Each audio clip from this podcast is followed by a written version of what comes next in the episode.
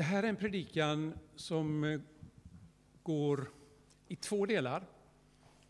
Jag ska göra en rekapitulation på ungefär två minuter gissar jag på förra predikan. Eh, det är nämligen så att jag har, det finns ju många sätt att försöka sammanfatta Jesu budskap. Eh, och Markus presenterar ju så här va, när han säger att tiden är inne, Guds rike är nära, omvänd er och tro på budskapet. Det är liksom en väldigt kort koncentrerad presentation av Jesu budskap. Och jag läste en författare som försökte hitta sitt sätt att sammanfatta Jesu budskap som ett erbjudande om ett annat slags liv. Och jag har lånat, han utgick från fem fraser och jag har lånat dem av honom. Det är de här punkterna.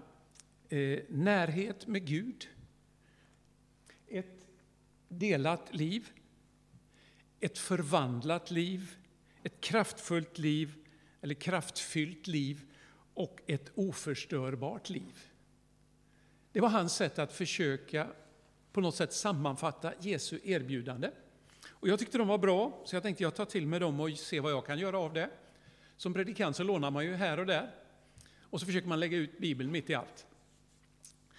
Eh, och de två första punkterna sammanfattade vi förra gången, det här med närhet till Gud och ett delat liv. Och egentligen så handlar det om att det är riktning mot Gud. Och jag sammanfattade det i två bilder. Eh, om du kör fram där Tobias ska vi se, och så trycker du en gång till. Det var det här att alla människor är på väg, har olika riktning, men Kristus står i centrum. Det är alltså riktningen mot Gud vi talar om som första punkten, närhet till Gud, när, att leva nära Gud. Då gäller det att ha den riktningen. Och den andra punkten som han tog upp, det var ett delat liv. Du kan köra nästa bild där, den också. Där har vi så att säga sorterat ut alla som är på riktning, som har den här inriktningen i sitt liv. Vi är på väg mot Gud. Och då var min poäng med den här bilden att ju närmare vi kommer Kristus, då bör vi också komma närmare varandra. Ett kristet liv kan inte levas på egen hand, det levs i gemenskap med Gud. Och jag lyfter fram för, som, en, som en, kan man säga, en sammanfattning av de här två första punkterna den frasen vi brukar använda som inbjudan till nattvard. Till nattvarden kommer vi, inte för att vi måste, utan för att vi får. Inte för att vi är felfria, utan för att vi är älskade. Inte för att vi är färdiga, utan för att vi söker. Vi kommer för att vi behöver gemenskap med varandra och med Gud. Och det var i korthet, mycket korthet, vad jag predikade om förra gången. Så nu ska vi gå vidare till punkten ett förvandlat liv. När Jesus möter människor så blev det ju hela tiden så att människor han mötte, deras liv blev förvandlat på olika sätt. Om man tar lärjungarna, om ni tänker hur de var, vi hörde om Levi här nu, som satt och var tullare, som sen skriver ett evangelium. Han har levt igenom och presenterar, eller de andra lärjungarna, fiskare, lite av varje, och så blir de världsevangelister i slutet av sitt De har gått igenom en förvandling. Ett par andra man säger, snabba exempel det är ju Sakaios. Du vet han som ville se Jesus. Han var också tull, tulltjänsteman, en sån där som då skinnar sig lite på folket, tjänar egna pengar och inte är speciellt omtyckt därför man går ockupationsmaktens vägar. Men vad hände när han hade mött Jesus? Jo, han säger så här, Herre, hälften av vad jag äger ska jag ge åt de fattiga och har jag pressat ut pengar av någon så ska jag betala igen det fyrdubbelt. Tala om ett förvandlat liv. Eller ni kan ta Paulus. Ni vet vad som hände om han var ute för att förfölja de kristna. Men vad hände på vägen till eh, Damaskus? Där händer någonting så hans liv blir helt förvandlat. Han blir istället den kanske största förkunnaren av kristen tro genom historien. efter att ha varit en förföljare. Mötet med Jesus förvandlar hans liv. Och jag skulle kunna räkna upp exempel ur historien. Eh, Antonios i Egypten på, eh, på 300-talet, eh, Ignatius, Franciscus. Alla de är sådana som kommer från en rik miljö men som överger allting för att följa Jesus. Deras liv blir förvandlat och de påverkar sin samtid mycket. Eller om vi skulle ta ett närmare, eh, både tidsmässigt och geografiskt, så jag vet att Hans Martinusen berättade om Jurskamjölnan uppifrån eh, Vårgårdatrakten. Han som var fokuserad på att bränna brännvin, men som kom att, när han mötte Jesus, kom att bli en av de viktiga förkunnarna där uppe för väckelsen som bröt fram. Allt exempel på förvandlade liv. Och det här är kanske radikala exempel, men då eh, tänker vi så här, eller då tänker jag så här åt dig. Hur är det i ditt liv? Ska ditt liv bli förvandlat? Kan mitt liv bli förvandlat? Vi kanske inte ens vill bli en förvandlad person, förändrad. Men när Jesus möter människor så ställer han ju inte en massa krav. Utan han ger ett erbjudande om liv. Det är det som jag har haft i, som rubrik för, för predikan, Jesu erbjudande om liv. Han vill erbjuda ett rikare liv, ett liv som kan förändras till det bättre. Ni vet exemplet när fariseerna kommer dragande med en kvinna som de har ertappats med och begått äktenskapsbrott. Och de vill stena henne, för det är ju vad lagen säger och det är för att testa Jesus. Men Jesus gör dem svarslösa och vad säger han sen till kvinnan? Inte heller jag dömer dig. Gå och synda inte mer. Han ger henne alltså ett erbjudande om ja, men du har en chans, du kan leva ett annat liv, du kan leva ett bättre liv. Gå härifrån. Och Jesus vill alltså se en inre förvandling. Och en bibelvers som jag har tänkt där, som Tobias har lagt upp här, som sammanfattar detta väldigt bra, det är Romarbrevet 12, där Paulus säger så här, anpassa er inte efter denna världen. Jag tror att grekiska ordet skulle man kunna översätta med, låt er inte medformas av den här världen, utan låt er förvandlas genom förnyelsen av era tankar så att ni kan avgöra vad som är Guds vilja, det som är gott, behagar honom och är fullkomligt. Och det här ordet förvandlar, grekiskan har det, eh, och vi använder det ibland i biologin till exempel, det är en metamorfos. Och eh, den används bland annat i biologin, du kan köra fram den. När en larv går till att bli puppa, till att bli en fjäril. Det är liksom det ordet som Paulus använder när han säger låt er förvandlas. Och Paulus säger att det sker genom att våra tankar förnyas. När vi lär känna Gud, hur han tänker och väljer att låta oss formas efter det. Och här skulle jag kunna fortsätta och tala om Andens frukter till exempel, men tiden räcker inte till känner jag, så jag hänvisar bara till Galaterbrevet 5 där Paulus beskriver konsekvenserna av ett liv som Jesus erbjuder, när man tar det på allvar. När vi låter hans ande forma oss, då så växer frukter fram. Kärlek, glädje, frid, tålamod, vänlighet, godhet, trofasthet, ödmjukhet och självbehärskning. Vilket plötsligt får mig att tänka på när jag var ny pastor i Missionskyrkan. Vi hade en samling med ungdomarna. Så kom en lång ljus herre ner och sa, ni får be för mig ikväll. Jag vill ha tålamod och jag vill ha det nu. En del kan gissa vem det var. Okej, vi går vidare till nästa punkt. Ett kraftfyllt liv. Vad är egentligen en kraft?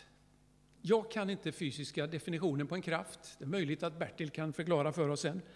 Men jag tänker mig helt enkelt att en kraft är något som har möjlighet att förändra saker och ting. För jag behöver en kraft, oavsett om jag ska lyfta 150 kilo eller 10 gram, så behöver jag en kraft för att göra det. Och som människor så lever vi under tydliga begränsningar. Om jag vaknar på morgonen och ligger väldigt gott så vill jag upp. Jag kan ju liksom inte bara tänka mig på fötter sådär. Det räcker inte. Jag måste, det måste till krafter för att jag ska komma upp på fötter och komma upp. Men jag behöver även inre krafter för att förändra. Om jag till exempel skulle bestämma mig att jag vill absolut gå ner i vikt. Och så bjuder folk mig på massa god mat och godis. Då måste jag faktiskt kunna stå emot det om jag vill gå ner i vikt. Annars går det åt andra hållet. Och när vi hör berättelserna, när vi möter Jesus i berättelserna i evangelierna, så ser vi att det första som evangelisterna beskriver att han gick igenom, det var alltså att han mötte frestelser i öknen. Frestelser som prövade hans inre karaktär. Han fick erbjudande om makt, om rikedom. Eh, han kunde göra under för att imponera på folk och så vidare. Men han hade byggt upp en inre styrka som gjorde att han kunde stå emot de här utmaningarna. Han kunde vandra vidare in i den kallelse som var hans. Och jag tänker mig att när vi ser hans fortsatta liv så är det ju helt uppenbart att han kunde förmedla kraft genom den heliga Folk blev helade, han gjorde märkliga under. Men jag tror att grunden till att han kunde göra det här var att han hade den inre styrkan att inte göra under för att folk till exempel ville se det. Han fick frågan ibland, kan du inte göra ett under och visa att vad du kan? Nej, han gjorde inte under för att göra någon slags show-off. Utan han gjorde under för att förverkliga det Gud ville att han skulle göra, att Guds rike skulle bli en verklighet. Kraftgärningar var inget självändamål för Jesus. Och jag vet inte hur du tänker när vi inom frikyrkotraditionen talar om kraft och kraftfyllda gärningar. Vad är det för tankar som dyker upp då? Jag tänker att det är kanske fler än jag som tänker på vad kan den helige Ande göra? Man ser helande, man ser kraftgärningar av olika slag. Och jag är den första att hålla med om att det är någonting som vi längtar efter att se i vår församling. Att se Guds ande vidröra på ett sätt som, som är övernaturligt. Men Gud ger gåvor och vi råder inte över vem som får dem. Men jag tror att den väg som Jesus visade, att en karaktär som är formad efter Guds vilja är viktig för att Andens gåvor och kraft ska verka på ett konstruktivt sätt. Jag tänker mig alltså att ett kraftfyllt sätt att verka i det yttre börjar inte i det yttre, utan det börjar i det inre. Det är som så mycket i det kristna livet, det börjar inifrån och går utåt. När vi vänder oss till Jesus och ber om att få del av hans liv, så får vi Anden som en gåva och vi får en möjlighet att samarbeta med Jesus. Och då sker en förändring som är i det inre, som vi läste här. Va? Låt er förvandlas genom förnyelsen av era tankar. Och även om en kraft är någonting som man kanske ser i ögonblicket, som vi tittar på här, eller kan mäta, så tror jag också att man kan sätta krafter i rörelse eh, vad ska man säga, på ett inre sätt genom övningar. Någon som sitter vid pianot dag efter dag, timme efter timme, eller någon som står med en boll av något slag timme efter timme, kommer att helt plötsligt kunna göra helt andra saker, få möjligheter till andra krafter, kan sätta andra krafter i rörelse. De här övningarna skapar karaktär, men de ger också möjlighet till att nya saker kan hända. Och som ni förstår så är det den här hävstången som jag hade här är en del av det här som jag vill illustrera. Jag tänker mig att med Andens hjälp så kan vi få se mycket mer hända än vad vi tror. Jag tänker mig så här att eh, vi kanske... Låt mig ta ett exempel förresten. Eh, när jag jobbade som pastor i Missionskyrkan, jag har varit där i fem år ungefär, så hade vi besök en helg av några. Och så stod vi i kön och de som hade talat där, hon, vi stod, jag stod och pratade med henne, jag hade min frimärksskjorta på mig så här, som man har som pastor ibland. Och så sa hon bara mitt i ett samtal så att det ska bli ganska skönt att bli av med den där. Va? Hon sa inte mer än så, det ska bli ganska skönt att bli av med den där. Och det var för mig som att dra upp en dammlucka till att tänka att jag ska nog sluta som pastor. Och lite senare så gjorde jag det. Men det var alltså kanske tio ord från den här personen som förlöste någonting i mig. Och jag kan tänka mig att du har varit med om lite samma situation, antingen varit med och uppleva det själv, eller kanske man har sagt någon till en person, åh, när man tänker att du kommer ihåg mig, eller att du ringde just nu, eller vad det nu kan vara, att du orkar lyssna på mig. Då tänker jag mig att vi gör små vardagliga enkla saker. Men Anden kan göra mycket mer. Som en hävstång. Anden kan se till att några ord får betyda jättemycket för någon annan. Vi kanske ber för någon och helt plötsligt så verkar Anden. Det är inte vår kraft som gör det, utan Anden gör det. Så jag tror att Jesus erbjuder ett kraftfyllt liv men det börjar i det inre och där den verkliga kraften är det Guds ande som står för. Den sista punkten utav de här, det är ett oförstörbart liv. Undestructible life var det på engelska. Och det är kanske den mest fantastiska och på något sätt svårförståeligaste punkten utav de här. Jesus erbjuder ett liv som inte upphör i och med döden. Vi kommer inte undan döden, men Jesus ger oss ett sådant liv med sådana kvaliteter så att inte ens döden rår på det. Och jag brukar tänka mig rent grafiskt så här att när Jesus dog så hamnade han i dödsriket. Som alla gör. Men hans uppståndelse var som att det öppnar en dörr på andra sidan. Så att om vi säger vi går in i dödsriket här, när vi dör, så med Jesu kvalitet av liv så finns det en dörr att gå vidare ut igenom. Ett kanske billigt sätt att beskriva det eviga livet, men jag behöver bilder för att tänka sådär. Så att för mig är det det livet Jesus erbjuder. Alltså, det är ett sånt liv så att inte ens döden rår på det, utan Jesus har, genom sin uppståndelse har han besegrat döden. Och jag tänkte bara några verser. Johannes talar ganska mycket om det här eviga livet som han säger. Några exempel på det här. Så älskade Gud världen att han gav den sin enda son för att de som tror på honom inte skall gå under utan ha evigt liv.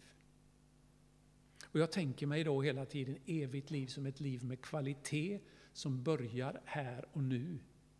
Inte ett liv som är sen, i himlen eller då, utan det börjar här. Men det har sån kvalitet så det bär hela vägen. Från Johannes 4, han säger till kvinnan vid brunnen, den som dricker av det här vattnet, han blir törstig igen. Men den som dricker av det vatten jag ger honom blir aldrig mer törstig. Det vatten jag ger blir en källa i honom med ett flöde som ger evigt liv. Jag tycker om ordet källa och flöde. Det är någonting som händer, det är någonting som sker. Livet är liv, verkligen.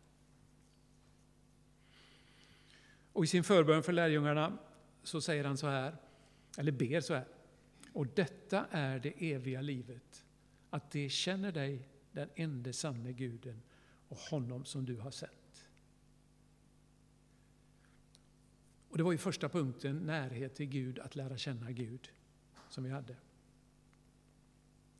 Och jag tog med en vers här, eh, som talar om framtiden på ett annat sätt. Paulus skriver i Filipperbrevet 3. Vårt hemland är himlen. Och därifrån väntar vi också den som ska rädda oss, Herren Jesus Kristus. Han ska förvandla den kropp vi har i vår ringhet så att den blir lik den kropp han har i sin härlighet.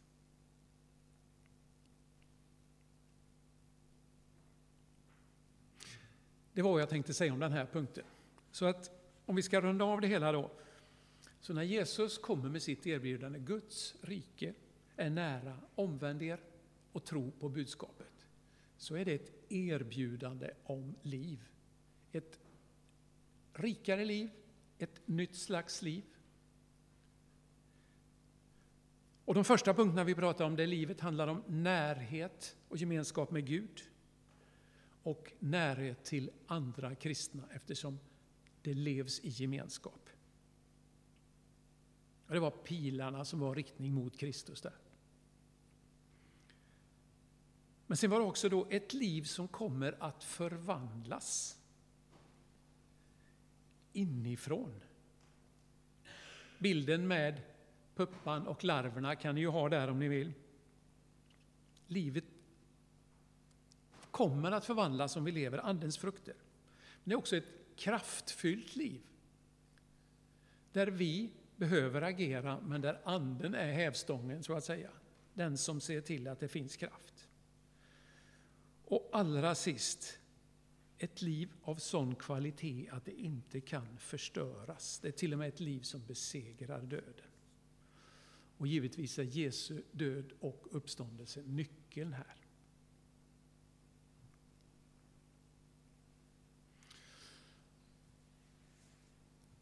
Boken jag har eh, lånat punkterna ifrån, eh, skriven av Trevor Hudson. Ja, du kan köra den. Han försökte sammanfatta det här som jag har predikat över nu i ett antal punkter i en mening så här, eller en, i några meningar. Det, där han uttryckte detta, eh, och det är ganska koncentrerade ord, men Jesu erbjudande enligt honom är ju då, det behöver inte vara så här. Ett annat slags liv finns tillgängligt för dig. Du bjuds in på en förtrolig pilgrimsresa till min Abba faders hjärta. Han älskar dig mer än du kan föreställa dig. Och när du gör sällskap med mig blir mina systrar och bröder din nya familj. Stegvis kommer jag att uppenbara Guds personliga kallelse för ditt liv. Jag kommer att visa hur du kan bli min medhjälpare i att läka min faders värld. Undan för undan kommer jag att förvandla dig till den älskande, omtänksamma och generösa person du skapats till. Min mäktiga Ande kommer att befria dig från vad som än håller dig bunden. Han kommer att ge dig kraft att handla för allas bästa. Och framför allt, det finns inget som någonsin kommer att skilja dig från Faderns kärlek, som jag älskar dig med. Det är den gudomliga vision jag har för ditt enda liv på jorden. Och nu är det så att jag har den här nedskriven på en lapp, men den ligger på expeditionen. Jag kommer att hämta den eh, och lägga den här, så du kan få den att fundera på när vi fortsätter att be sen. Men jag vill dela en bild innan jag avrundar, eh, som har kommit till mig i veckan, som har återkommit hela tiden. Och det är när jag har suttit ute i värmen på vår, vår altan. Så jag har suttit där och tittat, vi bor ute över en dal, så jag ser mycket träd och så. Så har jag hela tiden sett hur vinden sveper så gott i löven. Det kan vara lite grann i buskarna och så de större träden, så ibland så böjer det sig riktigt sådär. Och det har liksom påmint mig om hur Guds ande verkar igen.